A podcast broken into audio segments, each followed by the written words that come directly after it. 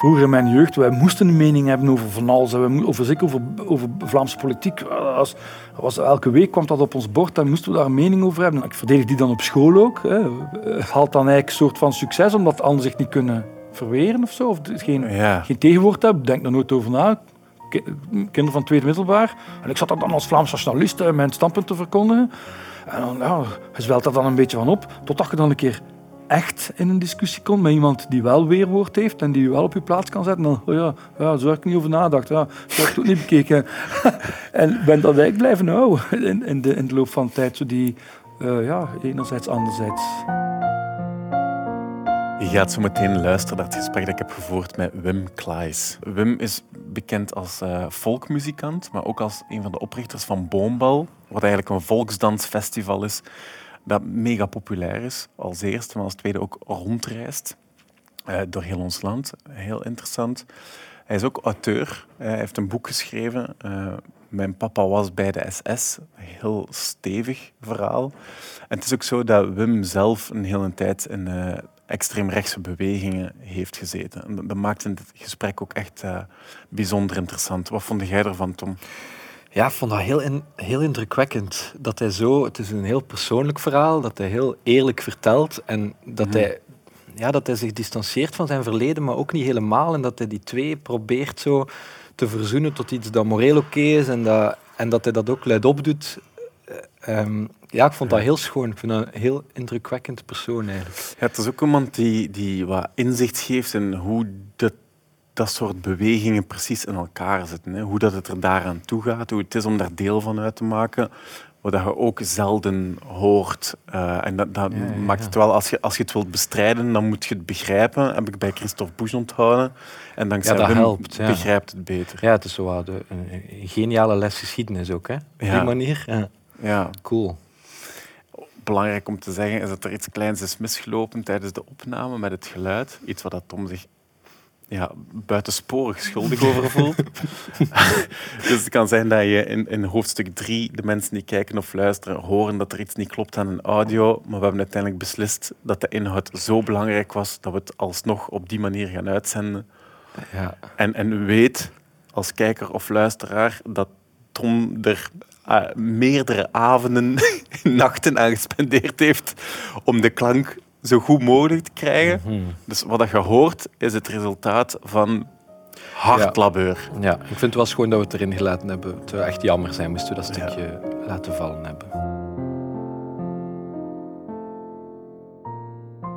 En vertel ons eens over de vooruit. Dus hier zijn 41 voor de vooruit samenkwamen. Dat, is- dat is dan de, de, de Vlaamse afdeling van het Duitse leger of zo. Hè? Ja, dat werd toen opgericht hè, in Ja. 1941. Dus vooruit had toen ook een andere naam. Pallas. Ook niet Volkshuis. nee, dat was toen Duitse Soldatenheim. Hè? Dus eh, de Duitsers zijn hier binnengekomen in 40 en ze hebben socialisten hier buiten gekuist. En dan zijn ze gezegd, dat is hier van ons nu. Ja. Wij richten hier het hoofdkwartier van het Duits leger in. En dus ehm, in 41, als eh, Rusland eh, aangevallen werd, dan is, de- dan is het VNV in de collaboratie gestapt met twee voeten. Daarvoor waren dat alleen maar de, de echte nazi's die zich ook afzetten tegen het VNV. VNV was een Vlaams Nationaal Partij.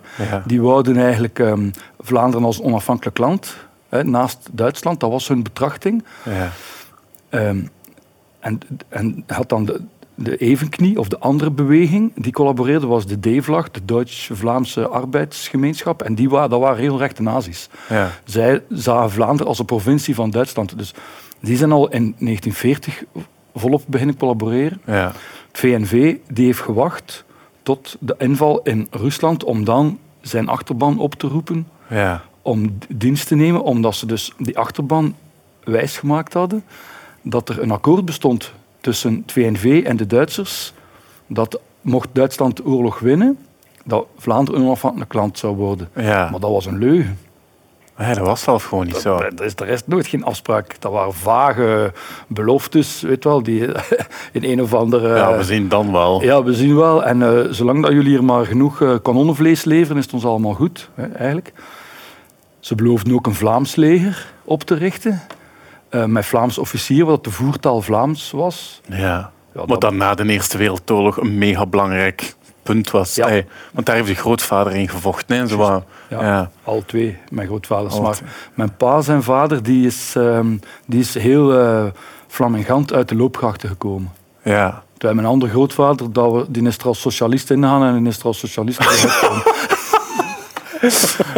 Ja, en de andere is zo, is- zo kwaad geworden Ja, zo kwaad door geworden hoe door- dat hij behandeld is geweest. hè. door, eh, ja, voilà, door het onrecht te zien. Want moet dat ook al zeggen, dat is echt wel heel onrechtvaardig. Dat in de Eerste Wereldoorlog mocht je gewoon geen Nederlands spreken in het, in het Belgisch leger. Terwijl dat 70% van de soldaten eh Nederlandstalig waren. Ja, ja. Dus dat is heel onrechtvaardig. Hè. En er zijn ook echt rampen daarmee, daarmee gebeurd. Hè. Jongens die, die bevel kregen in het Frans, die ze niet verstonden, die dan maar hun, dood gevonden hebben.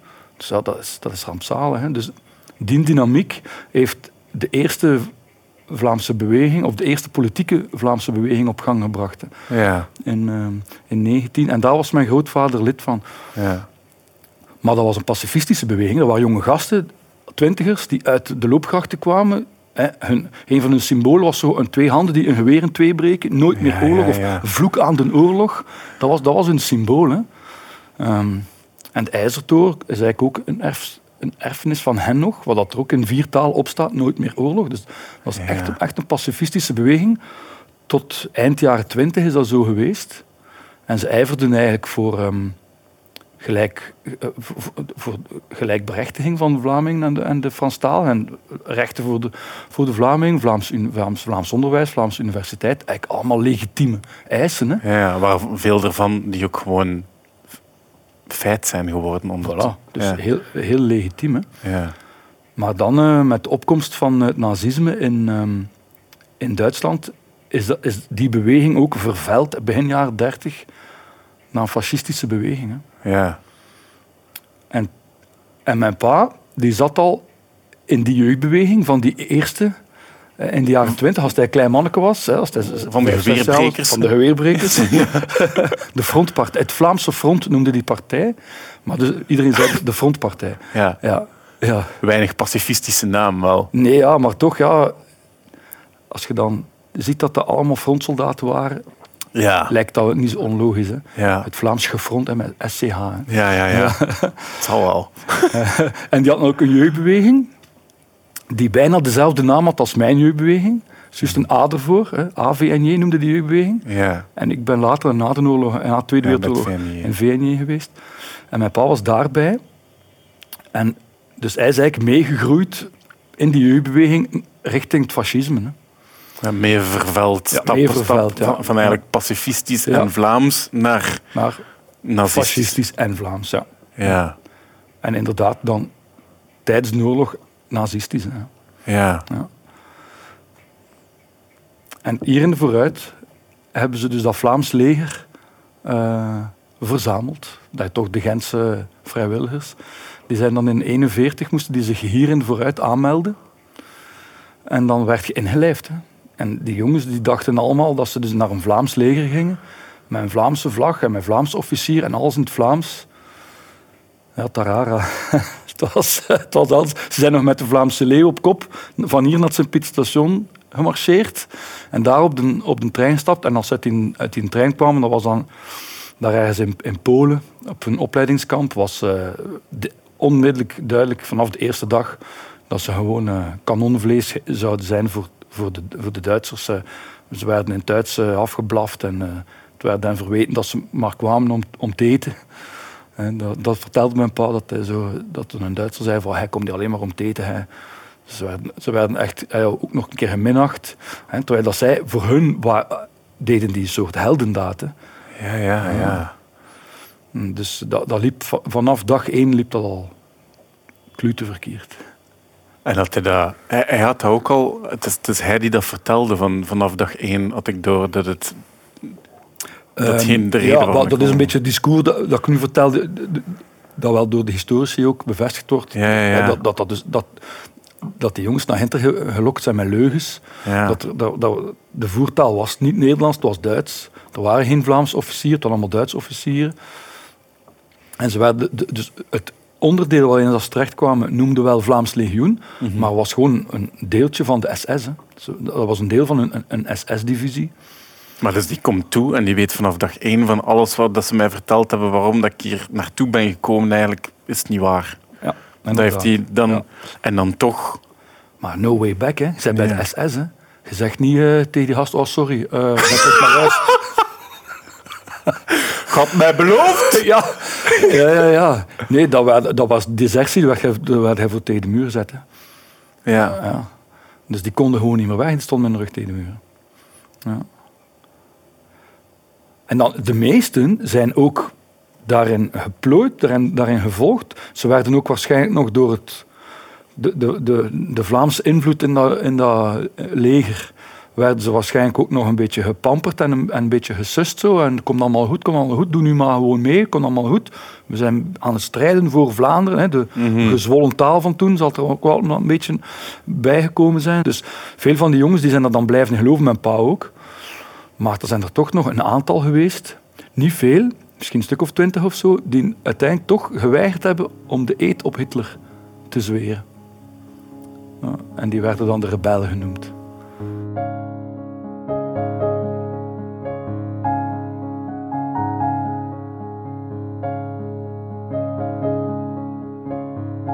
En uw pa, hij zegt, hij, hij, hij geloofde ook wel wat, het, wat het vertelt. Zo, als, als er gesust werd van we zijn met een grotere strijd bezig, dan, dan was hij daar wel in mee. Was, dat, was, dan, was hij na de oorlog dan zo gedegoteerd en zo van, ze ze hebben mij gewoon voorgelogen en van fuck het allemaal, het nazisme en het fascisme en zo, ik moet er niks meer van horen, maar dat, of niet. Dat, Toch wel.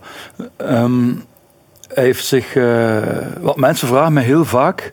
Zie hij je pa als een nazi? Hij is bij, de SS geweest en heel paradoxaal moet ik dan antwoorden, mijn pa was geen nazi. Terwijl dat eigenlijk niet klopt, want hij was bij de SS. Als je Ja. dan al geen nazi bent, wees dan wel een nazi. Hè? Ja. Ehm, maar toch kan het niet anders dan, dat, dan zeggen dat ik mijn pa nooit op, op fascistische trekjes heb betrapt of op nazistische sympathieën. Dus hij besefte wel dat hij ergens eh, bedrogen geweest is. Dat zeker wel. Maar in zijn ogen had hij nog altijd niks misgedaan. In zijn ogen was hij nog altijd voor zijn ideaal, voor het Vlaams nationalisme en ook omwille van zijn katholieke overtuiging, eh, is hij vertrokken naar het Oostfront. Dus in zijn ogen heeft hij achteraf eh, iets goed gedaan. Terwijl dat wij als buitenstaanders zeggen, hoe kun je dat nu als goed bestempelen? Je hebt gecollaboreerd met de nazi's, Ja. wat is er daar, wat is er daar goed aan? Ja. Maar vanuit zijn standpunt was dat, hij kon dat, hij kon dat verzoenen. Die heeft, geschoten op mensen. Hij heeft- Ja. Ja. Ja, dat is waar. Dat is bijna niet te bevatten. Hè. Wij die nooit oorlog gekend hebben, Ja, het is niet te bevatten wat dat moest zijn om, om, om oog in oog te staan met, met, met, met een vijand. En om, en om daar dan als enige levende uit te komen. Hè. Ja. Mijn pa die had zo'n een medaille die ze kregen. Dat was zo een gesp die ze hier eh, dan droegen. En je kreeg die als je, geloof ik, 15 dagen aan het front zat zonder munitie. Dus geen kogels meer. Eh, en dan moest u dan weer met dolken en met de andere kant van uw geweer of een bajonet of zo, of een schopje soms. Ja. Dus als je dat 15 dagen overleefde, dan kreeg je zo'n medaille. Bon, die medaille dat is nu dat is niks, maar de inhoud van die medaille is dat dat dus 15 dagen overleeft. Ja. Dat wil dus zeggen dat in die 15 dagen, elke ontmoeting die je gehad hebt met iemand anders van de vijand, dat die ander dan niet overleefd heeft. Hè. Dat vind ik moeilijk om, eh, om, om te bevatten. Ja, ja, je hebt in zijn armen gelegen. Hij Ja. zo diezelfde armen waarmee dat hij dat gedaan heeft. Ja. Zo. Ja. Dus dat is, eh, voor mij is dat niet te, niet te bevatten, omdat dat een heel lief papa was. Hè. Een heel grappige papa en een heel, heel lieve papa. Nou ja, zelfs extra lief, want hij was dan 49 als ik geboren ben. Mhm. Dus je moet je voorstellen, mijn pa die is op pensioen gegaan, op full pensioen, als ik in het vierde leerjaar zat. Hè. Ja. Ja, dus dat was echt, echt een, een, een, een oude papa. Ik had zelfs zo'n vriendje in de klas en die zijn, die zijn opa die was een jaar jonger dan mijn pa. ja. Dat is echt een oude pa. Dus- En mijn pa Ja. die compenseerde die, zijn, zijn leeftijd door extra modern te doen. Ja. Door extra veel toe te laten. En hij was heel, heel tolerant. En, en zo, ja, eh, ik mocht altijd veel meer dan, dan, dan mijn leeftijdsgenootjes mochten. Gewoon, mijn pa zei, oh, het is goed jong, doe maar. Ja. Ja. Dus ehm, in die zin is dat nog, is dat nog, eh, nog moeilijker allemaal te plaatsen dan in de Tweede Wereldoorlog eigenlijk deel van een moordmachine. Ja. Ja, hij. Zo. Ja. Eh, gelukkig zijn dat voor mij zijn dat bedenkingen die ik mij maar allemaal gemaakt heb als ik extreem rechts verlaten heb. Daarvoor, tot mijn 1,22, was ik deel van extreem rechts. Dan kon ik daar alleen maar in, in termen van heldenstatus aan denken Ja. dan, eh, dan was het allemaal veel gemakkelijker voor mij. Ik kon allemaal veel gemakkelijker plaatsen en eh, kon veel gemakkelijker dan nu zeggen, die had niks te maken eh, met de holocaust. Eh, nu vind ik het allemaal niet meer zo gemakkelijk zijn. Ja. Ehm, eh, want dat is ook nog een, een zware verantwoordelijkheid. Hij persoonlijk natuurlijk niet, heeft niet meegeholpen aan de daadwerkelijke vernietiging van de Joden, maar is wel lid van de SS. Dus je bent wel lid van de organisatie die de Holocaust Ja. In daden heeft omgezet. Hè. En, dat vind ik, en terwijl dat ze ook wisten, al van in de jaren dertig, dat de Joden geviseerd werden. Hè Ja. kan ik nu, moeilijk, eh, kan ik nu moeilijker mee om dan vroeger. Ja. Omdat er zo wat een muur tussen stond toen. een- Ja. In die tijd was... eh, als ik daar nog bij was bij het VNJ en zo, dan, dan werden wij zo'n soort van vijandsbeeld aangepraat. De Mhm. linksen, dat de vijand. En al wat dat zij zeggen, is per definitie eh, iets waar dat wij het juiste antwoord op weten. Eh, we gaan er niet te diep op ingaan, luister maar naar wat wij te zeggen hebben. En, en, en zo. En ehm, ja, dat op- dat heeft voordeel van eh, de gemakkelijkheid. Hè. Ja. Zelf, want het is op je 17 dat je die, die docu hebt gezien. Ja. Docu over de holocaust. Voor het eerst zo wat een andere kant Ja. hoort. Zelf... Dan ging je papa nog niet beschouwen als... Of ging je daar nog niet naar kijken van... Maar wat heeft hij gedaan? Dan was de eerste reactie van... Ik weet niet, defensief een muur op te werpen. En dat... Ook al is dat wel een barstje, maar van dat nog altijd niet te laten... Ja, dat heeft nog lang geduurd eer dat ik die een stap heb kunnen zetten om dat, om dat allemaal als één geheel te beschouwen en, Ja. en, en eigenlijk te zeggen, kijk, dat is mijn wereld niet. Ik wil niet behoren tot die, Mhm. tot, tot die stroming. Ik, wil niet, ik ben niet van dat gedacht. Dat heeft, dat heeft heel lang geduurd eer dat ik dat allemaal kunnen bevatten heb. En eigenlijk vijf jaar of zo. Hè. Ja. Eh, en dan meer nog door andere mensen te ontmoeten en door gesprek te hebben, dan, dan door, die, door die docu te zien. Die docu heeft mij wel wakker geschud op manier, want Ja. in die documentaire zie ik nog zo'n tafel voor mij, waarop dat er van die lampadaires stonden met, met, met, met lampjes met, van mensenhuid gemaakt, zo met tattoos op. Mhm. Zo bloementattoos en ankers. En dan zie je echt, en je ziet dan die berg lijken en, dan, en, en, die, en die een hoop schoenen Mhm. daar in Auschwitz. Mhm. En al, dat kwam allemaal zo hard binnen bij mij van, ja, wat is dat eigenlijk geweest? Zeg? Wat, wat, is dat, wat, wat, wat, was dat eigenlijk? En bij, bij veel mensen is dat, is heeft, dat, bij mij ook, heeft dat natuurlijk walging veroorzaakt, maar ik kon dat nog niet, kon dat nog niet allemaal op één hoop gooien met, eh, met, het ideeëngoed waar dat ik in opgegroeid, omdat er ook binnen de mensen in, in extreem rechts, in dat, militante Vlaams nationalisme waar ik in opgegroeid ben, werd dat ook vlug van tafel. Er werd gewoon, kijk, wij hebben daar niks mee te maken. Voilà, hup. Ja. Eh, Wij zijn daar ook tegen. Hè. Wij, wij, daar ook niks van hebben. Wij, wij hebben daar niks mee te maken. En mijn pa zei zelf ook dat hij dat, dat, hij dat, niet, dat hij dat niet geweten heeft. Dat hij daar niks van wist.